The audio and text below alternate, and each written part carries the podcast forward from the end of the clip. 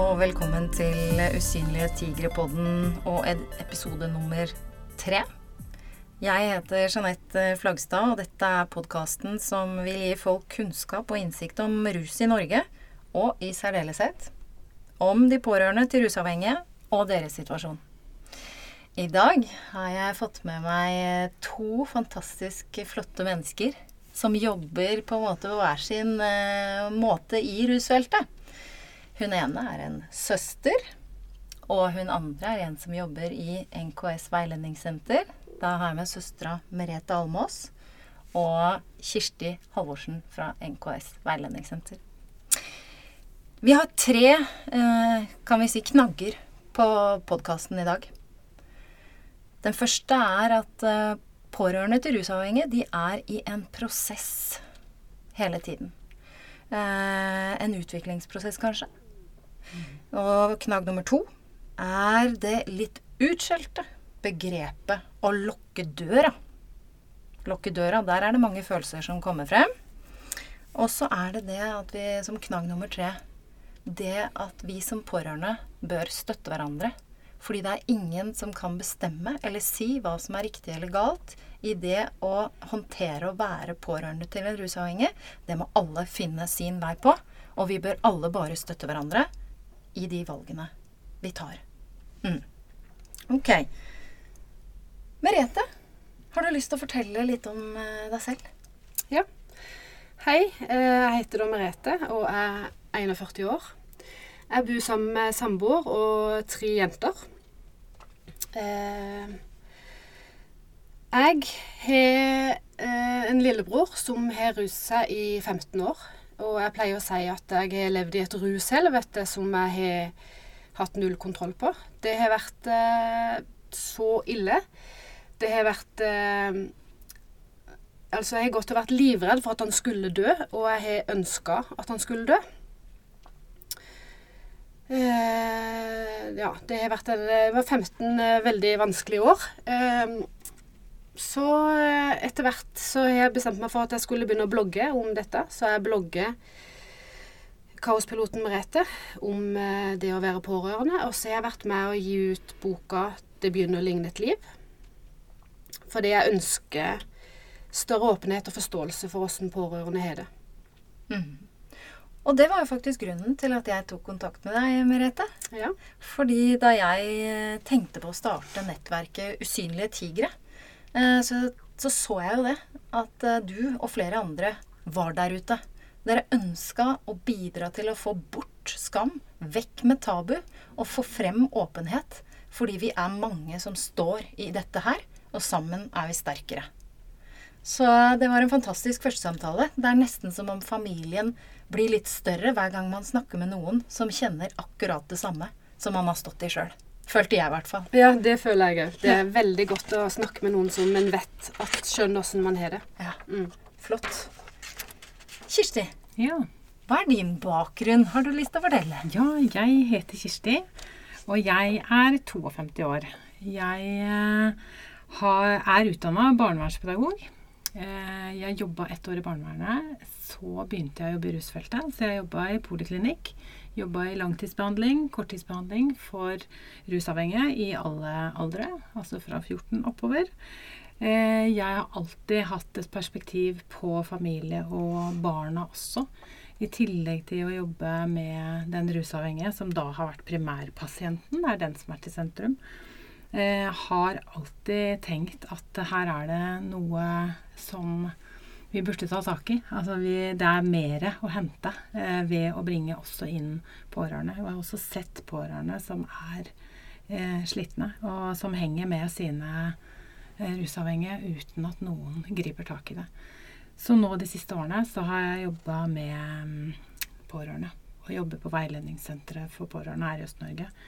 Eh, og brenner veldig for eh, å støtte opp og være en ressurs i forhold til eh, pårørendes situasjon. Og da lurer jeg litt på mm. Mm. Når er det egentlig man kan kalle seg pårørende til en mm. rusavhengig eller mm. pårørende til en rusmisbruker? Når er det man kvalifiserer seg til det?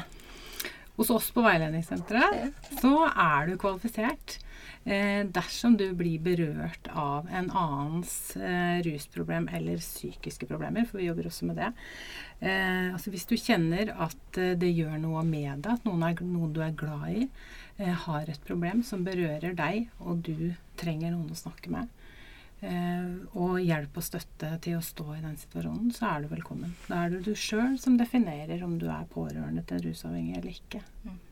Det var en fin eh, Det er en inkluderende holdning. Det er ikke noen henvisninger, ikke noe noen ting. Ingen henvisninger, og vi har taushetsplikt, og det er gratis. Eh, og det er du som bestemmer eh, også hvor lenge du trenger å komme og snakke. Vi har ikke ti timer, og så er det ut. Nei, Sånn er det ikke hos oss. nei det er flott. Ja.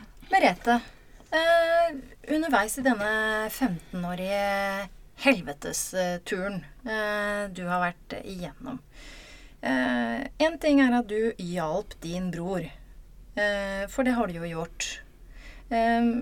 Men så er det jo noe som dreier seg om å hjelpe seg selv. Altså i denne prosessen din. Kan du si litt om det med å hjelpe? Ja. Jeg hjalp broren min med alt. Jeg hjalp han med å handle, jeg hjalp han med å huske avtaler på Nav. Jeg han, jeg var med han på avtaler hos Nav. Eh, jeg vaska klær, jeg var sjåfør. Eh, jeg vet ikke en ting ikke jeg gjorde. Og jeg gjorde jo det i mange, mange år. Eh, det førte jo egentlig bare til at han trengte ikke bruke sin energi til å gjøre de tingene. Han kunne bare fokusere fullt på rusen. I hvert fall så gjorde de årene som jeg hjalp han med det, gjorde ikke at han ruste seg mindre. Det gjorde heller til at han ruste seg mer. Altså, jeg og resten av familien min var jo rundt og ordna alt det praktiske. Det trengte ikke han å bry seg så mye om. Mm. Så eh, eh, nå i ettertid, da, mens jeg var i det hjelpemodus Altså, jeg gjorde det jo fordi jeg er glad i broren min, og jeg ville så gjerne at han skulle slutte å ruse seg. Så jeg trodde jo at jeg hjalp han. Men nå i ettertid så ser jeg jo at det, jeg, jeg hjalp han jo egentlig bare til å ruse seg mer. Jeg var med og tilrettela for rusen, istedenfor å kanskje heller ødelegge litt. Så det ble vanskeligere å ruse. Og så, underveis, hva skjedde da? Nei, vet du, når du har gjort sånn i 15 år, da begynner du å skjønne at eh, kanskje det du gjør, ikke er riktig. Det eh, Men jeg så jo ikke det sjøl. Jeg trengte jo eh, at noen utenfor kunne hjelpe meg å se det. Så jeg trengte hjelp for min egen del. Og det, det, det tok jo 15 år å få det, selv om eh, jeg var til lege, og alle visste jo at broren min var rusavhengig. Men det var aldri snakk om, at, eh, om jeg trengte noe. Før jeg tilfeldigvis traff en eh, ruskonsulent som eh, jeg ringte til hver gang det var noe krise med broren min. Så sa hun det jeg kunne gjøre praktisk. Og hver gang før jeg la på med henne på telefonen, så sa hun Merete, er du sikker på at ikke du trenger hjelp for din egen del? Jeg vet at det fins et kurs som eh, er sånn og sånn. Ja, ja. Og så tok det fra hun nevnte det kurset til jeg tok det, så gikk det sikkert fire år. Men hun sådde iallfall en eh, spire i hodet mitt. da. Mm. Og så vet jeg ikke om det kanskje har noe med at jeg fikk en sånn anerkjennelse da, for at den situasjonen jeg var i, var så vanskelig at jeg faktisk trengte hjelp. Mm. For det, det tok jo veldig, veldig mange år før jeg følte at jeg fikk noe anerkjennelse for det. Så jeg tenkte jo egentlig at det var meg som var litt sånn Ja, du tror du har det så ille, men det er jo ikke Det er jo broren din som er det ille.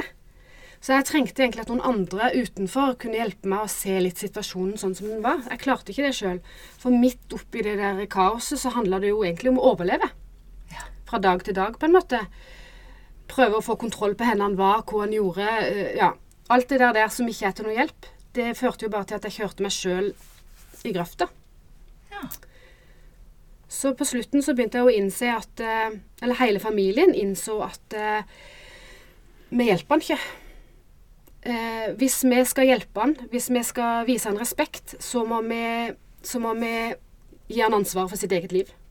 Mm. For vi hjalp han med så mye og alt. Så på en måte så mener jeg da at vi sier at han ikke har kapasitet til å ta vare på seg sjøl og sitt eget liv. Det syns ikke jeg er respektfullt. Så vi i familien ble enige om å lukke døra. Som eh, Det høres fælt ut, og det er veldig fælt òg. Men eh, jeg eh, var veldig Altså, jeg hadde visst det lenge før vi gjorde det. Men jeg ville ikke være den som sa det, i tilfelle han døde når vi hadde gjort det. Derfor så fikk jeg pappaen min til å ringe en organisasjon og snakke med dem, og så fikk han liksom go for at det var lurt å kanskje lukke den døra. Mm. Eh, så gjorde vi det. Kan jeg spørre, for det kan jo godt være at noen som lytter, eh, lurer på. Hvilken organisasjon var det dere henvendte dere til for å få eh, hjelp eller råd om akkurat det? Det var LMS. Tidligere Landsforbundet mot stoffmisbruk, som Ja. nå er Ivareta? Ja. Mm. Mm. Ja, men fint. Mm. Og eh, jeg kommer fra en liten plass. Det er bare 3500 innbyggere. Og lukker døra for broren min, som jeg så hver dag. Møte han på gata og liksom ikke skulle ha noe med han å gjøre. Det var, jeg kjenner jo jeg blir berørt eh, nå jeg bare skal fortelle om det. Mm. Og det eh, Det var veldig vanskelig.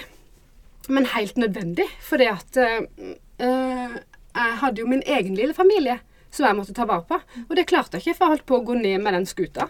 Mm. Altså, jeg måtte liksom velge å leve mitt liv eller hans sitt liv. Og jeg hadde tross alt barn å ta med så jeg måtte velge å ta, leve mitt liv. Det er sterke ting du deler, og jeg er helt sikker på at det er mange som hører på, som kjenner seg igjen. Du, du har en kommentar. eh. Ja, jeg tenkte så tøft eh, som det Merete snakker om, så tøft er det å stå i de prosessene.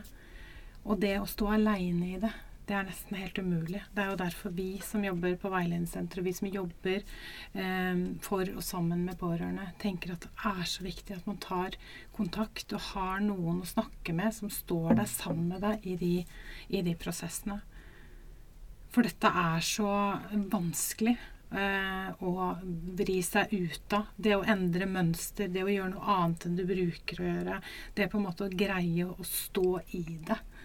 Å slåss mot det der. Det, det føles jo for mange som du gjør noe som er helt liksom feil, egentlig. Eller helt sånn crazy. Fordi det kjennes så feil å skulle gjøre det. Allikevel så er det eh, fornuftig eh, for mange å gjøre det.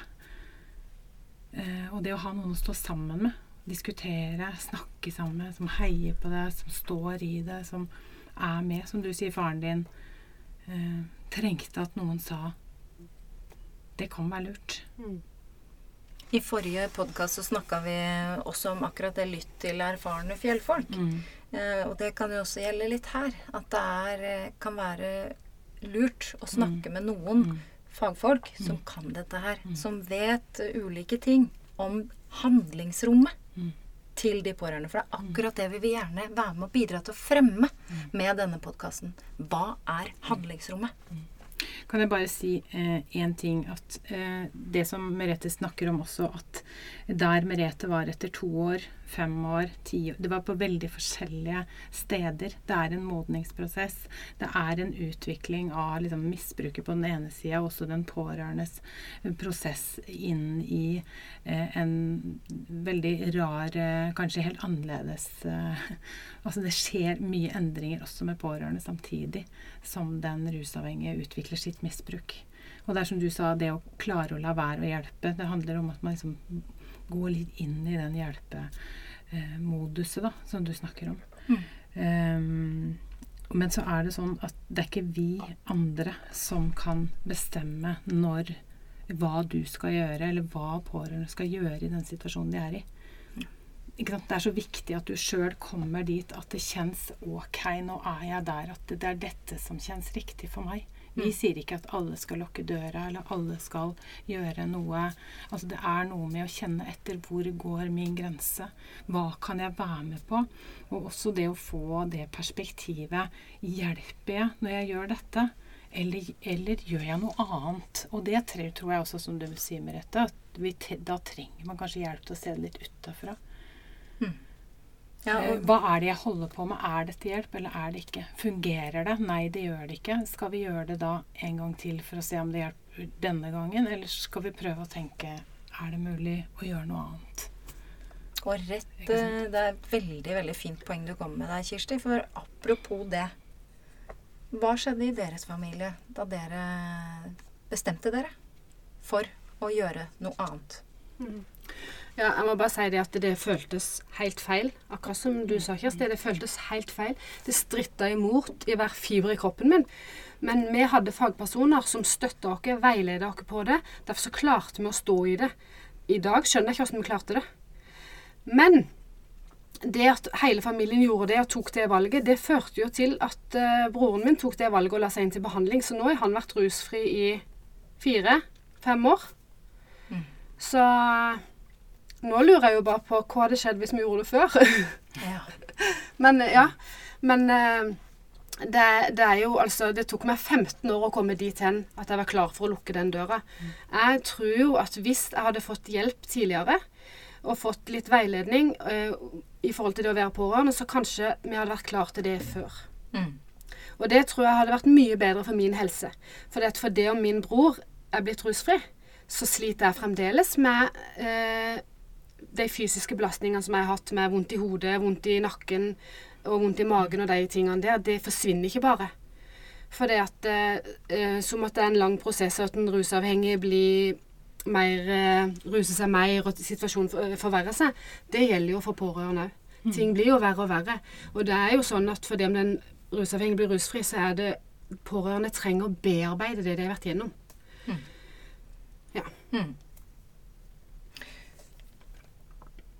Jeg tenker, eh, jeg tenker at eh, det med reaksjoner eh, Fysiske, psykiske plager. Hva, hva ser dere i NKS veiledningssenter, Kirsti? Vi ser jo at når folk kommer til oss, veldig veldig mange som kommer til oss, har gått veldig lenge. Eh, veldig, veldig lenge. Når de kommer, så er det, er det veldig mange som er fryktelig slitne. Jeg spør hvordan er det med deg, så eh, hvordan har du det? Så er det eh, De er helt utslitt. Altså batteriene er på en måte helt utlada. Eh, de har smerter i kroppen, sover dårlig, eh, har problemer med hukommelse. Altså greier å stå i altså, Det her er mennesker som har vært utsatt for å stå i en økt altså stressrespons. De har vært på en måte i beredskap over så lang tid at kroppen begynner å si ifra at dette her orker jeg ikke mer. Nå må du stoppe. Du må ta hensyn til meg nå, ellers så går det ikke lenger. Ikke sant? Sånn at, og det er først da eh, man begynner å eh, kanskje vende blikket mot seg sjøl mer enn den andre, for du er på vei ned med skuta, ikke sant? Eh, og, um, og det er da de kommer og er klar for å gjøre noe annet også. Eh, og da, da handler det rett og slett om det å, som du skal kalle det, stenge døra, handler egentlig litt om faktisk å ta ansvar for seg selv og sitt eget liv. Det handler om å være ærlig mot seg sjøl om hva er det dette her egentlig gjør med meg. Det er å tørre å sette seg sjøl også i sentrum og ta hensyn til egne behov. Når du gjør det, så kan det ha en bivirkning som handler om at den andre, som du slutter å ta ansvaret for, fordi du tar ansvar for deg, Mm. må ta ansvar for sitt eget. Mm. Du overlater ansvaret for, eh, for det livet som den rusavhengige lever, til den. Du, du tillater at den nå tar konsekvensen av egne valg. Mm. Og det som du sier, hva er mitt, hva er andres, hva er mine problemer, hva er, hva er mitt ståsted, hva er det jeg skal ta ansvar for? Mm. Hvem er det jeg kan endre? Jo, jeg kan endre meg selv. Jeg kan ikke endre andre. Og når du begynner å skjønne at du faktisk ikke, uansett hva du gjør, greier å endre den rusavhengige, Da har du Da muligheten til å endre deg ja, selv. Ikke sant? Ja. Vende blikket inn på seg og begynne å kjenne etter og ta seg sjøl på alvor. Og da kan det skje. Det er liksom det som er den endringa, som man ofte begynner å Mm. Liksom, gå inn i nye prosesser. Mm. Og det er vondt for mange og vanskelig å sette seg sjøl i sentrum når noen andre har det også dårlig. Mm. Og der trenger de å bli heia litt på. Dine problemer og hvordan du har det, er like så viktig. Ditt liv er like så viktig som andres liv. Da jeg holdt på med det prosjektet med broren min, Mm. som var på Facebook, og det var veldig offentlig, og mange som hadde mye meninger om det, så var det mange kommentarer jeg la merke til Mm. eh, fra ulike folk. Og jeg tenkte du har mye erfaring. Dette, er, Mm. dette kan du noe om. Eh, og da var det en som skrev eh, du må passe på deg sjøl. Fordi hvis den rusavhengige bestemmer seg, eller får lyst til å gå i behandling og bli nykter, så trenger du krefter for å være der for dem. Og apropos det med døra. Den har et håndtak. Så når den rusavhengige da faktisk bestemmer seg for at jeg trenger jo hjelp, så er det lov å bruke det håndtaket. Og hjelpe til å åpne den døra igjen. Eh, fordi Merete, du, du holder jo foredrag. Og du får jo, og det er jo ganske tøft for deg, vil jeg tro. For du får jo høre litt mye rart, og du blogger jo også, så du kan jo også få skriftlige kommentarer, sånn som jeg også har mottatt av ulikt uh, hele spekteret, liksom. Både heiing og buing. Uh, så, så, hva slags kommentarer kan du typ få på det når du snakker om det med å lukke døra? Nei, det er mange kommentarer, og det gjør veldig vondt, mange av dem. Mm. Jeg kan huske første gang jeg fikk en kommentar. Da var det eh, på et blogginnlegg, og da var det at jeg skapte ubotelige arr hos den rusavhengige hvis jeg lukka døra. Mm. Og det var en lang avhandling da, om hvor fæl jeg hadde vært som hadde gjort det. Og det var sånn at da ringte jeg til broren min vet du, og var så lei meg. Så var det han liksom som backa meg og trøsta meg, liksom, ikke sant? for å realitetsorienterte meg igjen. Mm. Eh, men eh, det er jo en grunn til at jeg brukte sikkert to år på å veie for og imot om jeg skulle tørre å begynne å blogge. For jeg visste at hvis jeg skulle blogge, så skulle jeg være åpen og ærlig. Og da visste jeg det kom til å komme mye hat. For hver gang jeg blogger eller sier noe om det å lukke døra, så får jeg sånne kommentarer om at det, å nei, det hadde jeg aldri klart å gjøre mot mitt barn, og at det er uvitenhet, og at det er tydeligvis mangel på kunnskap. Mm. Eh, masse sånne litt sånn nedlatende eh, kommentarer. Mm. Og det er jo Jeg tenker jo også det at det er mange som har en oppfatning av at det er så um, at de aller fleste, kanskje, da, eh, av de rusavhengige, eh, dem er det veldig synd på. Det har hendt dem noe fælt. Og, og, for guds skyld, det er, det er, ingen tvil om at det er mange som har hatt en barndom som, som vi gjerne skulle hjulpet dem eh, til en bedre barndom via barnevern eller. Ja. Så det er, det er mange barn som opplever vold og overgrep, og uffa meg. Mange av dem har hatt traumatisk, mm. og de rømmer ut i rus. Men det er ikke alle. Det er langt fra alle. Merete, du kommer fra en helt vanlig familie. Det gjør jeg også. Med foreldre som har stilt opp og vært til stede. Og så har vi brødre som har valgt å ruse seg, og som forandrer hele familien. På akkurat samme måte som de rusavhengige er unike og ulike, så er vi pårørende også unike og ulike. Og det tenker jeg er viktig å ha med seg. Og da kommer vi jo også inn på det med den tredje knaggen vår. Hvordan kan vi som pårørende rundt eh, støtte hverandre? Ja, jeg tenker alltid det at eh, det tok meg 15 år å komme dit hen at jeg klarte å lukke den døra. Så når jeg treffer andre pårørende, eller pårørende kontakter meg, så, så er det ikke sånn at jeg gir dem råd om å gjøre det. For jeg vet at man er jo så forskjellig, og man er på forskjellig ståsted, og man vil jo helst ha prøvd alt før man gjør noe så drastisk. Så jeg skulle bare ønske vi bare kunne støtte hverandre. Mm. For hvem skal bestemme at mitt valg er dårlig, men ditt valg er bra? Altså Kan vi ikke bare støtte hverandre der vi er? Vi, vi, vi er mange, og vi trenger, altså, vi trenger å vise hverandre at vi er der for hverandre. Mm.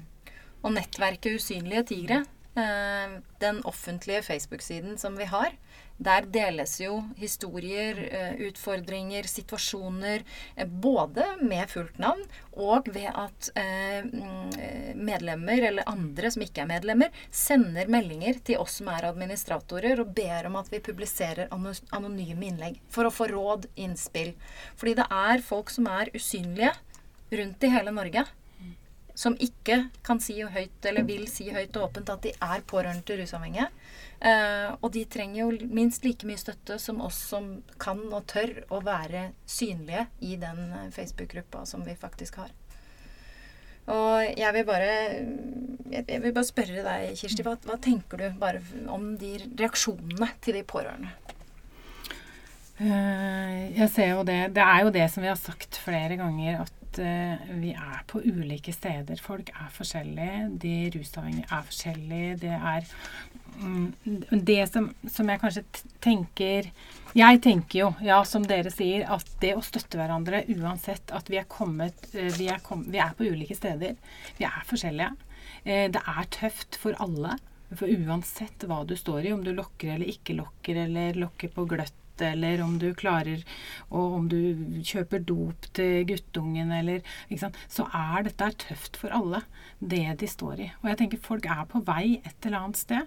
De er i en utvikling. Man trenger kunnskap. Eh, og vite litt om hva er dette her, for å kunne ta reelle valg.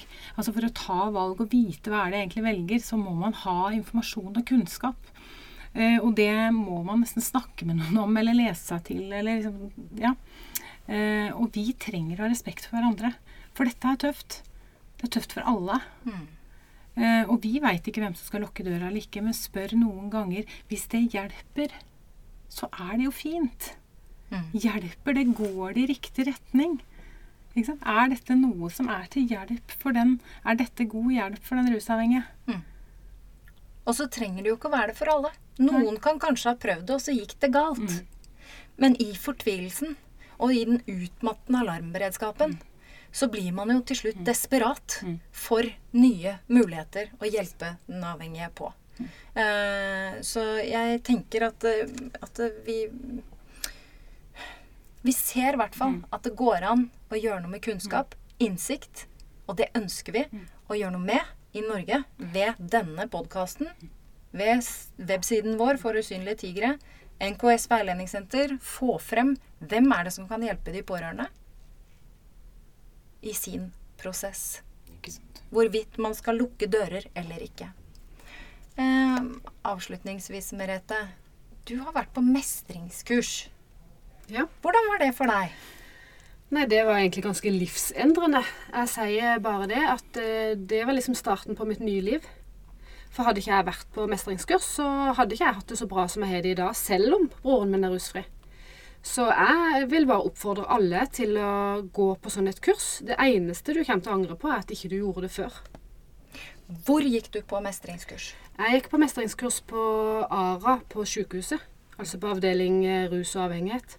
Det fins Det skal vi finne ut av. Hvordan det er distribuert rundt i hele Norge, for det er også kunnskap. Kirsti? Vi har mestringskurs på Veiledningssenteret for pårørende til rusavhengige i Øst-Norge. Men det er også rundt om i de andre veiledningssentrene i Norge har også mestringskurs. Ja, for dere dekker hele Norge. Eh, ja, de, de, fem. fem de fem veiledningssentrene skal da dekke hele Norge. Mm. Med i hvert fall at vi, de kan nå oss, og vi kan informere om hva som fins. For det er så viktig at man setter seg, blir satt i kontakt med noen Som kan hjelpe. som kan hjelpe. Mm. Og det Her på Østlandet så har, har i hvert fall vi eh, mestringskurs over åtte mandager. Så det er, det er for det ordentlig. Det er litt sånn som du snakka om, Merete. Du, det mestringskurset du gikk, du gikk på, det er litt over tid. Mm. Så du står i noe og går sammen med en gruppe over noe tid. Sånn at man får støtte og hjelp i den prosessen. Klarer du å oppsummere hva du da lærte på det kurset, som endra livet ditt? Jeg fikk veldig bekreftelse på at det var rett å eh, sette meg sjøl i førersetet. At jeg skulle ta mitt liv tilbake. Jeg skulle leve mitt liv. Ehm, og møte andre i samme situasjon og vite at jeg ikke var aleine. Det var en annen ting som jeg Ja. Ehm, også på en måte at eh, eller Jeg vet ikke om det var på det kurset, men det, det er det jeg tenker. At jeg fikk et nettverk. At jeg lærte at jeg skulle ta mitt liv tilbake, leve mitt liv. Og så tenker jeg at så lenge det er pust, så er det håp. Det er liksom det. Ja. Det var en fin uh, avslutning, syns jeg. Den var helt knallbra. Ja. Har du noe mer du vil legge til, eh, Kirsti? Ta kontakt. Eh, snakk med noen. Ta utfordringer og ring eh, til noen som kan hjelpe. Det er mange eh, som er her for pårørende. Det er hjelpetelefoner, og det er veiledningssenter, og det, er- det fins hjelp å få. Og jeg må bare Jeg vil mm, absolutt eh, Nå kjenner jeg jo flere som har snakket med deg, Kirsti. Mm. Eh, og jeg må si at eh, du er i hvert fall en som arbeider med hjertet, og som tar imot med åpne armer. Så NKS veiledningssenter er meget god erfaring med som, som en hjelpetelefon. Ta kontakt. Skal vi si det oppsummerer? Denne episoden kommer til å bli postet på både websiden vår og på Facebook og Instagram. Og vi skal nok fortsette videre. Vi skal høre i neste episode mer om NKS veiledningssenter. Det blir gøy. Det blir gøy. Så takker vi for oss for i dag. Takk for at dere kom, begge to. Takk.